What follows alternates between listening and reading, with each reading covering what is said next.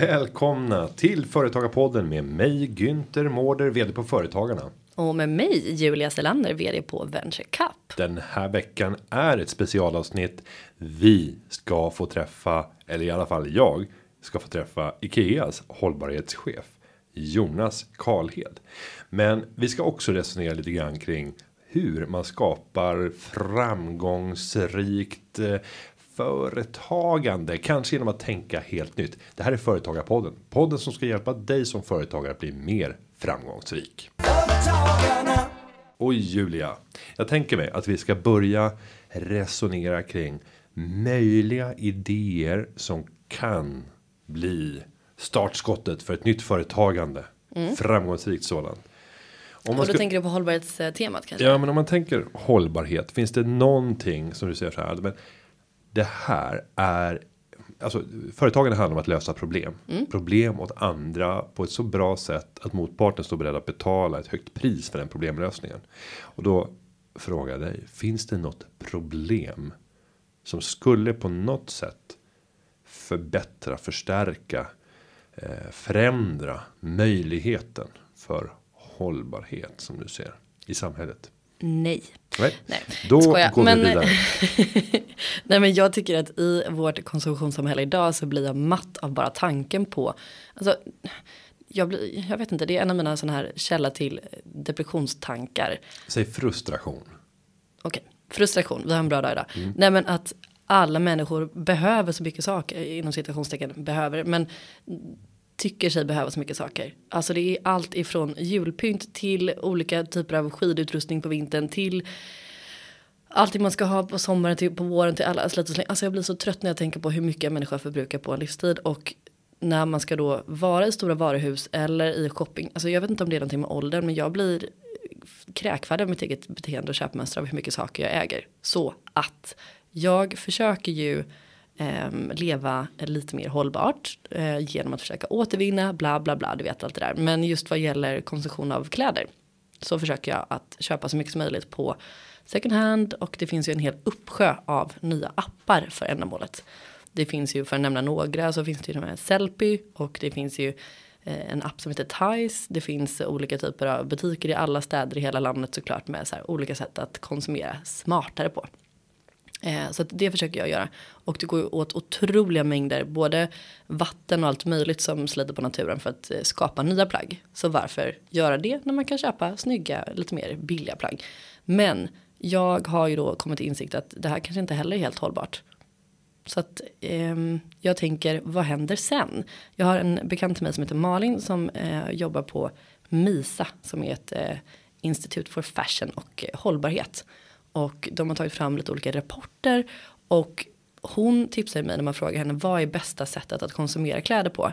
Alltså ska man liksom köpa begagnat, ska man köpa nytt, ska man köpa 100% material och köpa ett plagg om året som är jättedyrt men jättehållbart eller vad är rätt och fel? Och då säger hon att eh, det finns ju inget rätt och fel, det beror på. Mm. Men eh, ja, så så är det ju. Men, men det finns ju hur mycket som helst att läsa på ämnet om man är intresserad. Men det som var summan av kardemumman i det här som jag blir lite chockad över är att när man lämnar in sina kläder för just återvinning. Då tänker man ju som konsument att gud vad skönt. Härligt, nu har jag slängt en eh, säck med kläder här till eh, någon eh, insamling och då kan jag med gott samvete gå och köpa nya. För jag har ju ändå återvinnt. Mm. Problemet är ju vad som händer med de här kläderna sen. Vad händer med de kläderna Günther?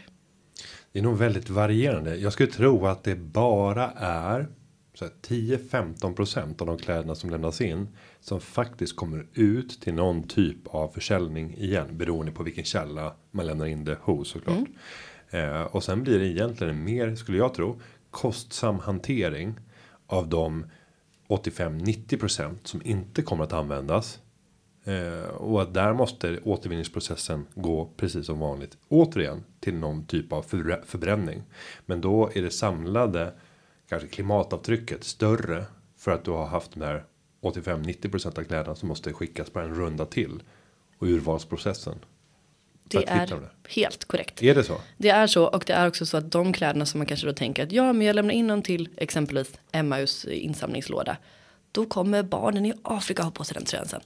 Nej, så är det inte riktigt. Utan eh, de kläderna som man lämnar in, nu kanske någon lyssnare som är bättre påläst, eh, nu får gärna hävda någonting annat. Gå in på Twitter, hashtag företagarpodden eller Instagram, hashtag företagarpodden och eh, kommentera och argumentera emot eller för. Ja, sätt mig gärna på plats. Fortsätt. Nej, men en stor andel av de kläderna som, eller här, en liten ska jag säga, en liten andel av kläderna eh, som faktiskt är snygga och eh, fortfarande har kvalitet kvar. De säljs på eh, svenska liksom, återförsäljningsställen, typ Myrorna. Och så köper någon annan Svensson dem. Och det är väl jättebra. Men det är en väldigt, väldigt liten del. Eh, resten ska ju då eh, förstöras på olika sätt. Och problemet där om man ska återvinna kläder är att nästan alla kläder som lämnas in är ju av material som inte är så höga. Det vill säga att det är blandad kvalitet. Det är viskos, elastan, bla bla bla bla. Så att har du inte liksom en 100% ullrock som du lämnar in så är det väldigt svårt att separera de här fibrerna. Och det kostar väldigt mycket både på miljö och energi och pengar. Så att, långt svar på kort fråga. Någon borde komma på ett bra sätt att separera de här fibrerna frå- från varandra. Som är kostnadseffektivt och miljövänligt. Då tjänar man sig en jäkla hacka tror jag. Och det där gäller ju inte bara kläder, det gäller ju allt. Jag vet eh, när vi eh, satt i juryn i årets företagare, årets unga företagare blev The Humble Company som har tagit fram en eh, tandborste i bambu. Humble brush. Humble Brush. Du har sett den till och med. Jag har sett den eh, många gånger. 12 miljoner tandborstar hade han sålt då när vi fick in juryunderlaget. Eh, Det har han nog sålt, sålt flera miljoner till kanske. Men då var det en i juryn som sa det att det är ändå en utmaning rent hållbarhetsmässigt. Även om det hade varit ett plastskaft. Så det är så här, ja, men separationen här, att få loss nylonsträngarna som finns i borsten. Det är den stora utmaningen. Det är där du har den stora boven. Det är därför du bränner det rakt av. Ehm, Men fråga på det, för det är precis det jag undrar. Jag tänkte att jag var skeptisk till Brush för att det är bättre med trä i handtagen än plast. Det förstår jag och det respekterar jag. Älskar tanken och idén. Men jag har frågat mig vad är det för någonting som man borstar med? Är inte det plast? Jo, nylon. Okej. Vad, vad jag förstår, så vitt jag vet, mot bättre vetande, så är det nylonsträngar. Jag förstår. Eh, sen så, ja, eh, alltså att titta på olika typer av separeringstekniker. Om du har en stor hjärnkapacitet och du har många år kvar i livet, alltså de två faktorerna. Då skulle just det här området kunna vara ett fält där man väljer att rikta all sin uppmärksamhet. För lyckas man lösa de problemen, alltså att kunna separera material som idag är omöjligt att separera. Då föds fantastiska affärsmöjligheter. Och med det så tänker jag att vi ska gå vidare och få träffa vår speciella gäst idag. Och den här intervjun har jag fått göra själv. Utan dig och du blir lite avundsjuk. Ja, men jag är jätteavundsjuk. Men det är ju tur att jag kan få lyssna på podden då. Jo, och jag tänker så här att eh, det här var nog inte sista gången, första och sista gången, utan det här var nog bara första gången som vi träffade vår nästa gäst. Eh, för att eh, vi hade så mycket mer att prata om och det lilla vi pratade om, det ska ni få höra nu. Varsågoda. Då välkomnar jag Jonas Karlehed, hållbarhetschef på Ikea. Välkommen till Företagarpodden. Tusen tack, jättekul att vara här. Det här är roligt för att alla har ju en relation till Ikea. Eh, de flesta älskar det. Några ska man också säga hatar det. Och det här finns ju uppfattningar om det i hela världen. Ikea vill ju också ta vad jag uppfattar ett väldigt stort ansvar. Är man stor så måste man vara stark. Då upplever jag att ni eh, försöker kommunicera att ni vill ta ett stort ansvar när det gäller hållbarhet. Är det en bild som du tycker stämmer överens med vad ni vill signalera ut? Absolut, det är ju en, eh, en central del i alltså vårt sätt att vara och vårt hållbarhetsarbete. Att ha en eh, en positiv påverkan på människor och miljö. Och vi försöker hämta kraften därifrån och våra rötter. Vi kommer från Småland och vi har stenmuren på det karga landskapet där liksom vi varit vana vid att spara på resurser och göra mer och mindre. Och, så där är ju en väldig kraft liksom in i vårt arbete. Och, och även kulturen då med humanistiska värderingar. Vi försöker göra bra saker och bra skäl. Så att förhoppningsvis så, eh, så läcker vi vad vi tänker och, och liksom kan, våra kunder och andra kan uppfatta detta. Och vad betyder det i termer av faktiskt arbete för någon som är hållbarhetschef för den här koncernen eller i alla fall i Sverige? Alltså det är ju en, eh, för mig personligen eh, så är det ju en otrolig kraftkälla. Att, eh, och ta den förmån också att, som jag återkommer till varje dag. Det är inte bara vet det här med visioner. Vi har en vision på IKEA, skapa en bättre vardag för de många människorna. Och det, det, kan låta abstrakt men när vi kokar ner det till liksom besluten vi liksom fattar varje dag i våra möten så är den ju högst levande. Så att det är en otrolig kraftkälla. Eh, och sen då de här rötterna med, vi kommer ju faktiskt från en väldig eh, kostnadsmedvetenhet med all fog det fanns för det. Liksom när Ingvar Kamprad grundade oss för 75 år. Så vi är en pigg 75 år mm. detta året. Och just den här kostnadsmedvetenheten. Det är ju någonting som kanske många, många glömmer bort. Men att den går ofta väldigt eh, väl hand i hand med eh, liten, eh, litet resursnyttjande. Ja, och, och det är ju också eh, en förmån för oss nu att kunna känna liksom det här rotsystemet. Och det här är ju alltså innan vi ens visste eh, vad hållbarhet var och att hållbarhet var en drivkraft. Utan det var ju bara ett sätt att vara. Liksom att försöka göra mer av mindre och spara på resurser. Och det är klart, den, den går ju väldigt väl hand i hand med hållbarhet som du säger nu. Utifrån att om vi fortsätter att jobba ännu smartare med våra resurser så innebär det också att vi kommer att fortsätta att spara på kostnader som är vår DNA. Och när vi sparar på kostnader så kan vi också bidra till att sänka priset på våra produkter så att vi kan nå ännu fler av de många människorna då som ju är vår vision. Så det går väldigt väl hand i hand med den här resan. När man går runt på ett eh, IKEA varuhus så är det ju ibland så att man hoppar till och bara ställer sig frågan hur är det här ens möjligt rent prismässigt? Och då sitter jag och funderar över hur väl rimmar det med det här samhället där vi eh, vill se hållbarhet och en del i hållbarhet är ju faktiskt att man köper saker som varaktigt mm. kan finnas med. Helst av allt i generation efter generation. Ja. Men det här manar väl till ett slit och släng samhälle när man sätter sådana priser. Så det är ju ingen på, på Ikea som gillar eh, slit och släng. Däremot så gillar vi ju det låga priset. För vi, vi ser ju att det låga priset är ju en förutsättning för att så många som möjligt ska ha råd att jag har fint där hemma. Men också att leva ett mer hållbart liv. Eh, för att det ska inte vara en lyx för de få. Så att det är ju alltid en, en oerhört viktig sak för oss, det låga priset.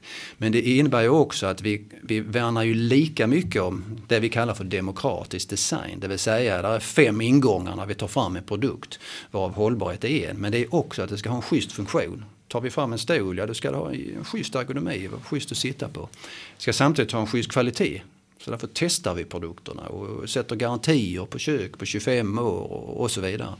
Och sen ska det ha en schysst design. Eh, för att vi tror att världen blir lite vackrare att vara på liksom med vackra saker. Och sen kommer då hållbarhetsaspekten in. Och sen den femte parametern är just priset. Det måste också vara till ett lågt pris. Så att då så många som möjligt har råd att leva mer hållbart. Så det är ju vår eh, lilla formula, demokratisk design där det låga priset liksom hela tiden det som levererar då på, på slutet.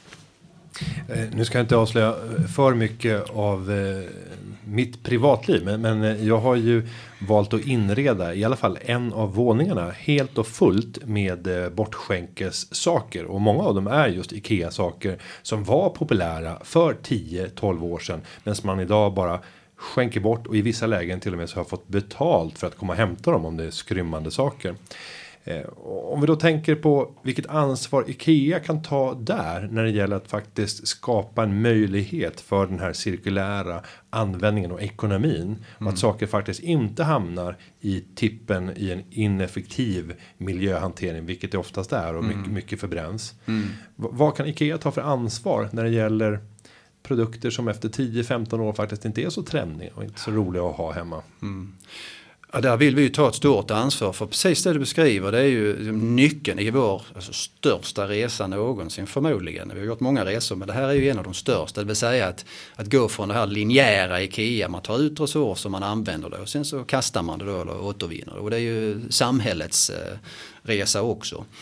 Men nu kommer vi gå mot cirkulära IKEA så att år 2030 så kommer vi att vara cirkulära IKEA och det betyder att vi har då designat alla produkterna för ett cirkulärt liv. Där det ingår just att eh, designa dem med rätt material, det ska vara förnybart eller återvunnet. när vi väl designar med kanske olika material i produkt så måste de vara separerbara. Så att man kan underlätta liksom ett långt, långt material och produktliv. Och sen kommer vi också säkra det du är inne på att, att produkten i sig liksom är möjlig att förlänga livet och att kunna säljas vidare. Så det är ju nyckel i vår resa att bli cirkulära IKEA. Och cirkulära IKEA är också en nyckel i vår resa mot att bli klimatpositiva. Liksom att ha ett klimatutsläpp som går i linje med Parisavtalet. Vår resa att bli hållbara IKEA. Så att, och det vi gör nu är ju att testa olika liksom, lösningar för att möta just det behovet som du har men som många, många andra av oss har i samhället just nu. Det vill säga att handla på eh, second hand-marknaden, är det Blocket eller det är Facebookgrupper eller hos kompisar. Det är ju en jätterörelse. Och, och hur kan vi då bidra till den eh, positiva utvecklingen? Och det kan vara exempelvis att eh, om du skulle vilja sälja någon av de här produkterna du har hemma nu så kan du komma till eh, Kungens Kurva här i Stockholm där vi sitter just nu och, och eh, sälja det till eh, vår fyndavdelning där. Om du har en billig bokhylla till exempel så får du en voucher i handen som du kan handla för och sen säljer vi den vidare till kunderna. Det är ett exempel på hur vi nu testar de här olika lösningarna för att hjälpa dig som kund. Och om vi då tar produkter och när du pratar om att separera, för det har jag förstått det är en av de svåraste sakerna när det gäller återvinningen. Mm. Vilka är de tuffaste nötarna att knäcka? Kan man prata om några specifika produkt eh, delar eller produktsortiment som är särskilt komplicerade mm. och utmanande för att kunna ja. komma dit hen? Absolut, den, den stora resan för oss och eh, även för samhället nu det är ju plasten. Som eh, vi ser att vi har ju ett stort behov Eh, Eh, för oss på IKEA men det har även samhället. Vi på IKEA vill ju att all vår plast ska vara antingen återvunnen eller komma från förnybara källor då. Och den resan har vi, har vi börjat här för, för ett litet tag sedan. Eh, men, men det finns inte tillräckligt med volymer av återvunnen plast just för att kunna bidra till vår resa här i samhället idag eftersom det mesta bränns upp.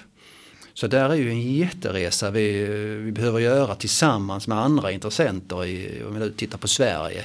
Återvinningsindustrier och andra företag med politiker som ska sätta rätt förutsättningar för den här resan. För att vi då ska kunna få en större marknad för återvunnet material, plast i detta fallet.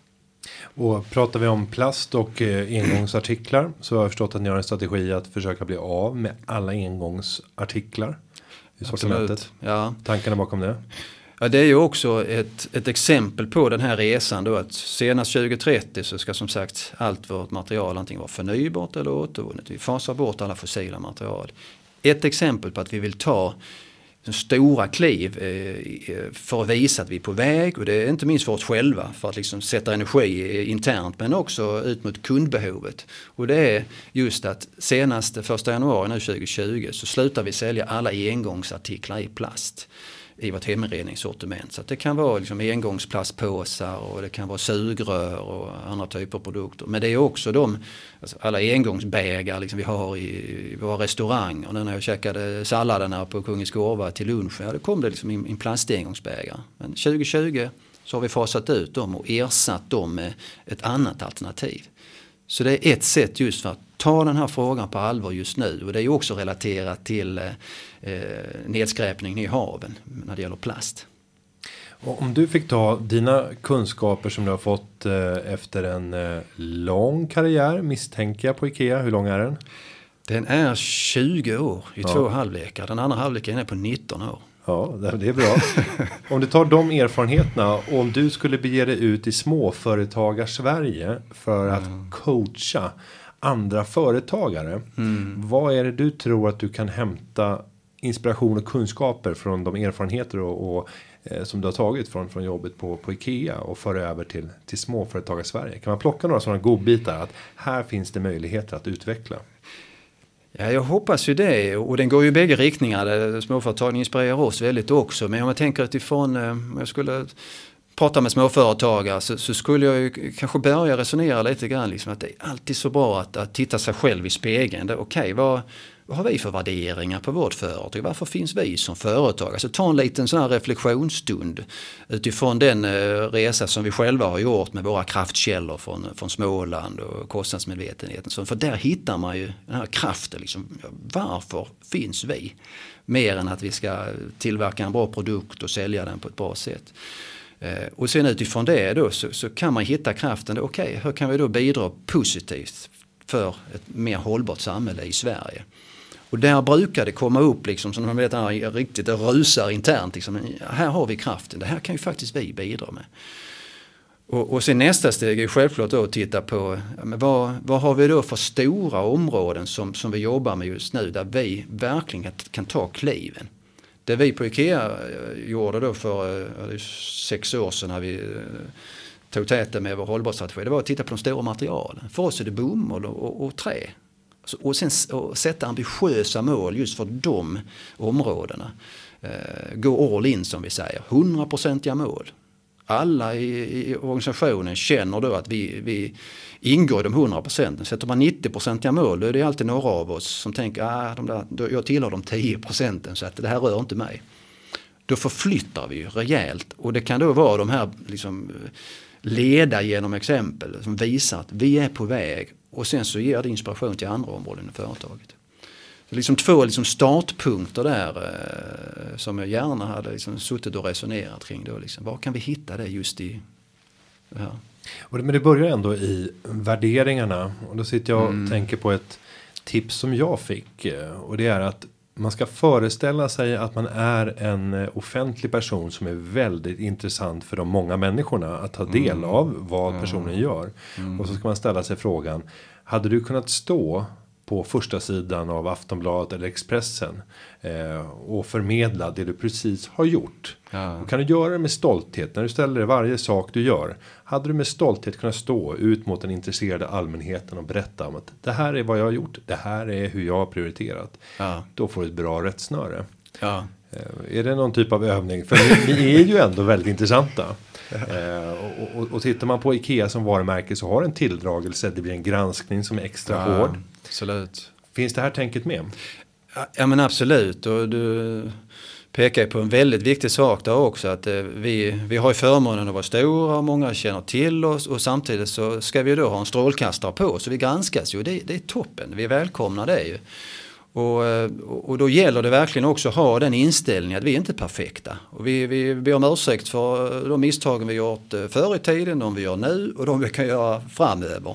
Men, men det vi kan säga liksom att vi hela tiden har det här målet, vi har värderingarna i basen och sen vill vi göra bra saker och, och bra skäl. Och det som är så häftigt att höra också från, från kunder när vi pratar med kunder vi möter på varuhuset eller på webben eller vi gör undersökningar det är att här bra Ikea, ni, ni, ni gör bra saker men ni måste berätta mer om vad, vad ni gör. även om ni inte kommit ända fram så berätta det att ni är på väg på en resa.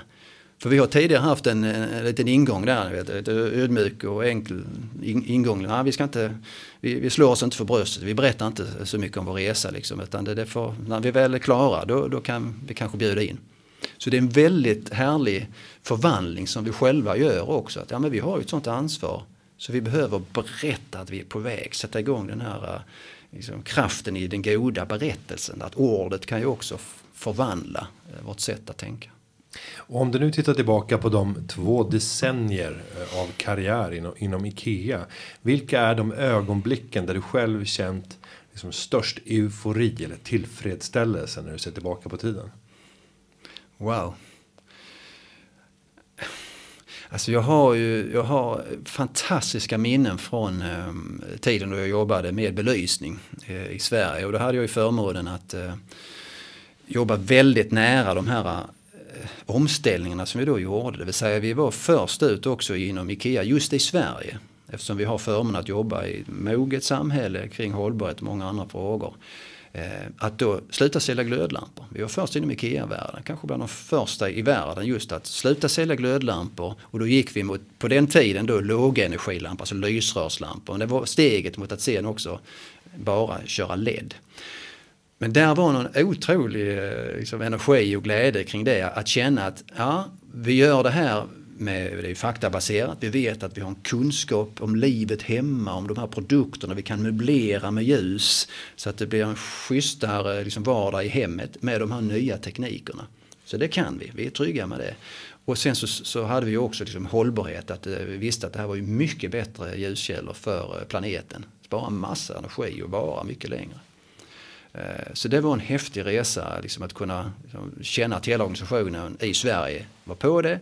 Och vi kunde också liksom dra IKEA-loket eh, och alla vagnarna bakom oss också. Och då pratar vi om perioden, är det 2005 till 2010? Detta var ju 2009 eh, när vi mm. slutade sälja glödlampor. Mm. Jag kommer ihåg någon, någon gammal skylt som man kunde passera eh, i Ulvsunda rondellen i Stockholm. Och eh, där de marknadsförde sig med Vi säljer gamla glödlampor. ja, ja, precis. Det var unique selling point. Ja. Men om du tittar tillbaka på de här två decennierna och funderar också vad har varit jobbigast? För att livet är ju inte alltid saft och bullar. Ibland så är det lite uppförsbackar och är lite tufft. Och framförallt om vi tittar i eh, det arbetet som du har idag när det gäller hållbarhetsarbetet. Mm. Alltså det jobbigaste är ju alltid när vi inte eh, alltså lever som vi lär. Vi som sagt, vi gör ju misstag hela tiden. Vi är 200 000 medarbetare i de olika IKEA-bolagen världen över. Och så är vi 8 000 i vårt bolag i Sverige. Och, och, och, så kommer det alltid vara som sagt. Men, men när vi inte liksom lever upp till våra värderingar då, då, känns det ju extra tufft eh, för oss. Det kan vara när det gäller uppförandekoder för leverantörer eller hur vi behandlar våra egna medarbetare utifrån eh, liksom, mångfaldsperspektiv. Alla ska ha rätt att vara sig själva på IKEA och så. Och, och då, då, känns det som ah, vi har fortfarande mycket kvar att göra och behöver ödmjuk inför det. Men då är det bara att lägga in den här eh, nya växeln och, och rätta till och, och, och sen prata om att vi har, vi har gjort en misstag här och nu vill vi göra det rätt och eh, fortsätta vår resa. Mm. Om vi nu tittar framåt så har vi eh, pratat om, om utmaningarna eh, och det stora omställningsarbete som arbetar. Men vi har, vi har inte varit inne på transporterna. Mm. Eh, det är ju transporter både inom Ikea och från produktionen ut mm. i varuhusen och sen när man senare kör hem dem. Ja. Hur kan man eh, på olika sätt påverka de delarna och även de transportdelar som man kanske inte fullt ut själv förfogar över. Ja. När, kunden senare ska skicka hem eller ja. köra hem produkterna. Ja. ja, det är ju en superspännande omställning för oss på Ikea och för samhället eh, i det hela eftersom transportsektorn står för liksom en femtedel av alla klimatutsläppen då i samhället. För vår del på IKEA så står alltså våra varutransporter från 4% av vårt eh, totala klimatutsläpp. Men sen kommer kundernas transporter till oss, liksom, det är liksom över 10% där. Så att det här behöver vi förhålla oss till, självklart. Ehm, så att ett exempel på att vi, vi tar i detta direkt nu det är ju att vi senast 2025 så kommer vi att elektrifiera alla våra hemleveranser inom eh, IKEA även våra egna företagsbilar och de här bilarna som finns på varuhusen. Så. Eh, och det är ju ett led i vår resa mot 2030 också med att bli klimatpositiva. Ehm, så det är en otroligt viktig resa vi har nu också att ehm, leda genom exempel. För det är lite syftet med det här för vi är också en del av ett globalt, eh, en global eh, ja, och organisation EV 100. Där stora företag världen över säger att senast 2030, i vårt fall 2025, så kommer vi att elektrifiera våra transporter. För då skickar man signaler med till eh, producenter. Jaha, det finns efterfrågan och sen så kan vi då bidra till det. Så att det också kommer mer volymer av de här eh, transporterna, fordonen eh, ut på marknaden. Så, så ehm, det är en av de viktiga resorna vi har nu att göra. Att bidra till mer hållbara transporter. Inte minst då kundtransporterna eftersom de är ju tre gånger så stora i klimatavtryck jämfört med godstransporter. Ehm, och, och, på den resan så, alltså redan här när vi sitter i Stockholm idag så har ju varuhuset i, i Kungskorva och Barkarby, deras eh, hemleveranser från varuhuset är idag på förnybara bränslen. Som ett sätt att vi tar steget och nästa steg är som sagt att elektrifiera de här också. Om vi ser till eh, kundbeteenden. Ni har ju möjlighet att genom era produkter också förändra människors sätt att leva. Mm. Eh, på vilket sätt kan man designa produkter eller på olika sätt stimulera och motivera människor till att förändra sin livsstil? Tänker ni mycket kring de frågorna? Ja, mycket och det är ju det är kanske kärnan av eh, vårt hållbarhetsarbete också. Förutom att vi ska liksom, leva som vi lär, walk the talk och ställa om vår egen verksamhet så är ju då nästa steg då att, att ha förmånen att kunna inspirera så många människor som vi har förmånen att möta att leva ett mer liksom, hälsosamt och hållbart liv. Eh, och, och, till 2030 så, så har vi den förmånen att vi, vi, vi kommer att kunna inspirera, göra det möjligt för en miljard människor att leva ett bättre liv inom en planet med vår uppdaterade hållbarhetsstrategi. Och ingången där, eh, som en central ingång, är just genom vårt eget sortiment. För det är ju där vi är som mest levande, genom vår heminredning. Och, och det är ju ett par delar där. Man kan säga att en del är att ta fram ännu fler produkter som, som direkt eller indirekt kan hjälpa våra kunder att leva mer hållbart. Så det kan ju vara att spara energi, eh, spara på vatten, minska sitt avfall och som leva mer hälsosamt och genom eh, cyklar eller höj och sänkbara skrivbord. Alltså den typen av produkter. Där behöver vi bli ännu bättre, ta fram ännu fler eh, produkter. Eller att producera sin egen energi. Vi ska ju börja sälja solceller i alla länder senast 2025. Förhoppningsvis tidigare i Sverige. Ehm, så det är en del. Den andra delen är ju att vi behöver också bygga in den här hållbarheten i alla produkter. Så att senast 2030 så ska alla produkter på IKEA vara designade för ett cirkulärt liv. Och där kommer just det här du är inne på. Ehm, hur, hur kan vi förmedla en känsla av att den här produkten ska hålla i generationer in där, där har vi tankar att, att, att, kunna designa in en, en känslomässig koppling till produkten. Hur kan vi bli ännu bättre på det? För vi vet ju att har vi ärvt byrån eller skänken från mormor eller liksom farfar, då vet vi att men den, den sitter där den sitter, den, den, den ska leva i många år. Och hur kan vi få samma känsla och koppling till våra produkter eh, genom vår kunskap kring eh, design och produktutveckling? Det är en del i det här, designa för cirkulärt liv. Och för att lyckas med att eh, göra de här tidlösa produkterna som har ett närmast evigt liv. Så är det nästan alltid en berättelse som ligger ja. bakom skapandet. Alltså alla framgångsrika ja. varumärken bygger på en berättelse och ja. även designklassiker. Mm. Har Ikea varit tillräckligt duktiga på att göra den berättelsen om de enskilda produkterna för att på så sätt skapa en livstid som förlängs? Där behöver vi bli ännu bättre. Den, den är ju en klockren eh, och relevant eh, feedback till oss. Och vi får den inte bara från dig utan från, från kunder också. Att, eh, att berätta ännu mer kring hur den här produkten nu ska handla. Liksom, den historien, hur har ni tänkt? Alltså, vad är den här, det, vi, vi kallar det för lågt pris med en mening. Och den här med en mening, det, det, är någonting som vi behöver bli ännu bättre på att prata om. Och jag ser det inte bara som att ja, det ska vi väl kunna göra, utan det är faktiskt något som vi har ett ansvar för att göra. Just för att vi är så stora att vi möter ju 100 miljoner besökare i Sverige på webben och kundservice och vi har 40 miljoner besökare på våra varuhus. Man kan säga att vi möter ett Sverige i månaden. Och vi behöver ju ta det ansvaret, se det som en förmån, men att då berätta om hur man kan leva ett mer hållbart liv hemma. Och där ingår just det du säger, att eh, kunna liksom förmedla en berättelse. Ja, men varför är detta bordet av trä då mer hållbart? Eh, jo, det är faktiskt för att vi har tänkt att senast 2020 så ska allt vårt trä komma från mer hållbara källor. Återvunnet eller FSC-certifierat. Eller är det bomullen från mer hållbara källor och så vidare. Så, och när vi tittar på eh, marknadsföring så ser jag allt mer radikala grepp för att man måste hitta nya sätt att tränga ut till en mer medveten publik. Mm. Eh, nu senast när jag såg på SVT och eh, serien Vår tid är nu. Jag vet inte om ni har sett den serien mm. men den utspelar sig då andra säsongen i mitten av 50-talet. Mm. Och då är det en kvinna som flyttar till ABC-orten Vällingby. Och har precis beställt via postorder ett mm. bord som heter Lövet. och då sitter jag och funderar på. Är det här Ikea som har planterat? Jag tror inte att det är det. Utan de vill visa tidstypiskt. Mm. Men så har jag också tänkt att.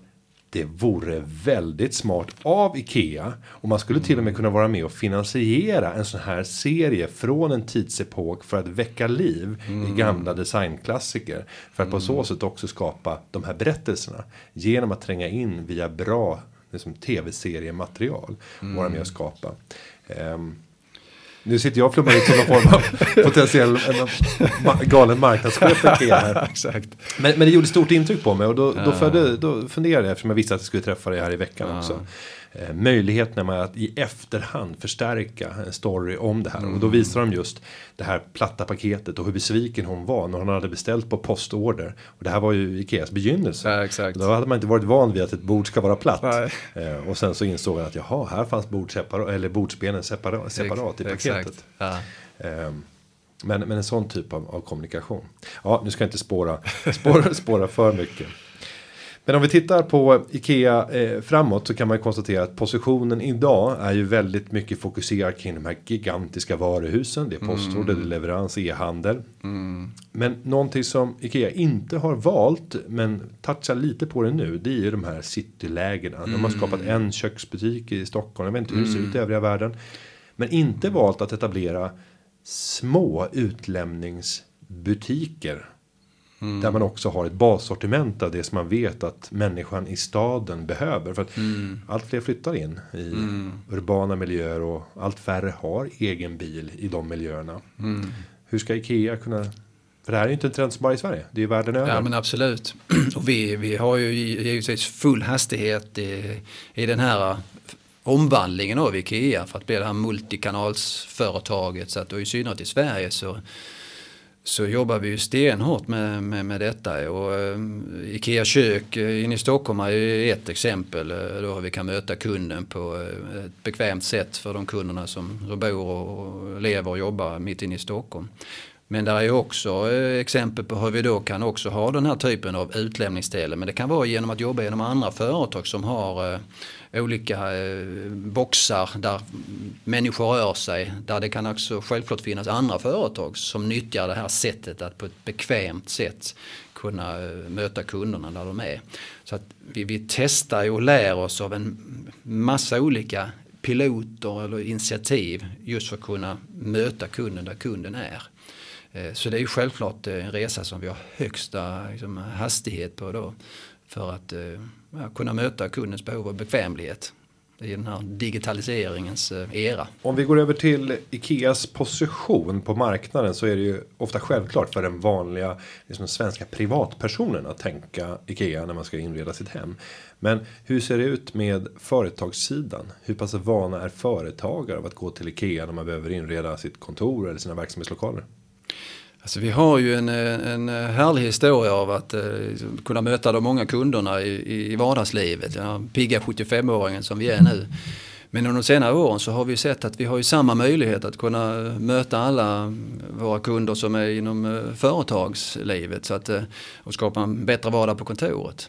Så att vi, vi satsar ju jättestort nu för att, att kunna bidra till utvecklingen för, för företagen och för era medlemmar utifrån eh, heminredningskompetens. Vi har allt under ett tak. Vi kan ha förmånliga avtal för eh, era medlemmar och det kan finnas eh, härliga servicetjänster. Vi kan ha heminredarhjälp och så vidare för att ni ska få en bättre vardag på kontoret. Så att det är en resa som vi är inne på nu för att kunna möta de, de många IKEA Business-kunderna.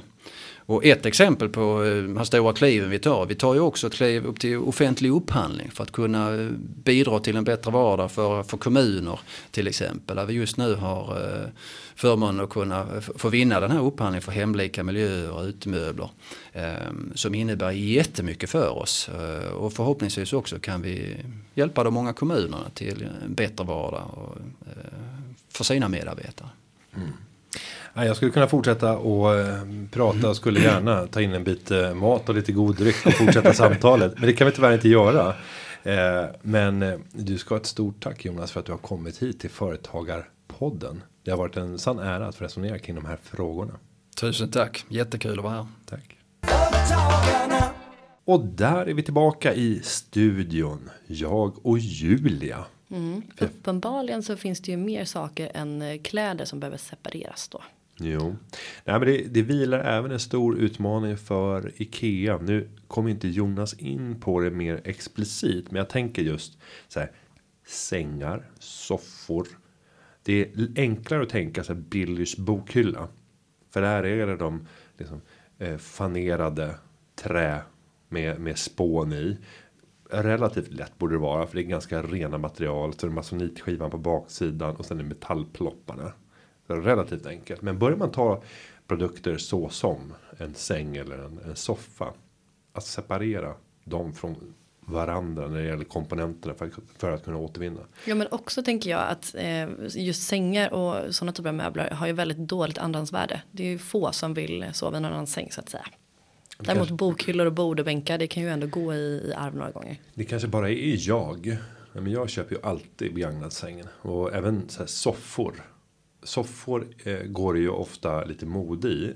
Och står man beredd att ligga tio år utanför sin egen tid. Då behöver du aldrig köpa en soffa. Nej, folk- folk soffor är jag helt med dig på. Det är jag samma här. Men jag skulle nog inte. Jag är ganska alltså, öppen för sånt ändå. Men säng, nej, det vill jag ha egen. Det är typ det dyraste jag äger hemma hos mig. Min säng. Ja men om du tänker att menar, sängramen. Du, du har ju först om du tänker en, en kontinental säng. Då har du först sängbotten och sen så har du kontinentalmadrassen och sen har du bäddmadrassen. Och sen ovanpå så har du ett madrassskydd. Och sen kommer lakanen. Alltså om du tänker att du byter ut bäddmadrassen och madrassskyddet. Ja men absolut. Ja men de, de två dyraste lagren är ju fortfarande. De kan du köpa begagnat. Vad har du för säng nu Günther? Nu har jag en Vems? Kung, kungsängen Q. Av vems? Ja, det var någon som bodde i Järva. Jag köpte den i Järva stad, det nybyggda området. Det är kanske är någon av er lyssnare som har eh, skänkt Günthers säng till herr Mårder. Bara en sån sak. Jo. Sover prinsessan på natten. Nej, och jag fick eh, även en, en eh, sängram med tillhörande kuddar till. Och jag tror att den här sängen, eh, en Q Continental med sängram och inbyggda kuddar i sängramen, eller gaveln, eh, låg kring 37 000. Man undrar ju om Jonas Jag sover i en betalade 1500 kronor. Wow. Ja, fyra år gammal. Bam. 1 och 5. Från 37 ner till 1 och 5. Det här är ju liksom. Eh, det här är ju ditt sätt att vara gangsta. Ja. Du sitter och ser ut som en jävla thug just nu. Du bara. Jag tror att vi avrundar podden här. Nej, men jag, jag tror att Jonas sover i en Ikea Sultan. Mm, det tror jag också. Med armarna bakom huvudet här. Ja. Men hörni kära lyssnare. ja, med det har det blivit dags att runda av och knyta ihop den Ja, berömda har det. säcken. Och vi ska säga att avsnittet det har förberetts av David Hagen och klippningen är gjord av Linda Aunan Edvall. Vi hörs igen nästa vecka. Hej då. Hej då.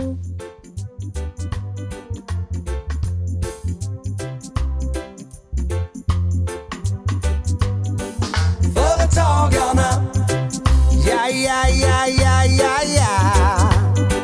For the tall yeah, yeah, yeah, yeah, yeah.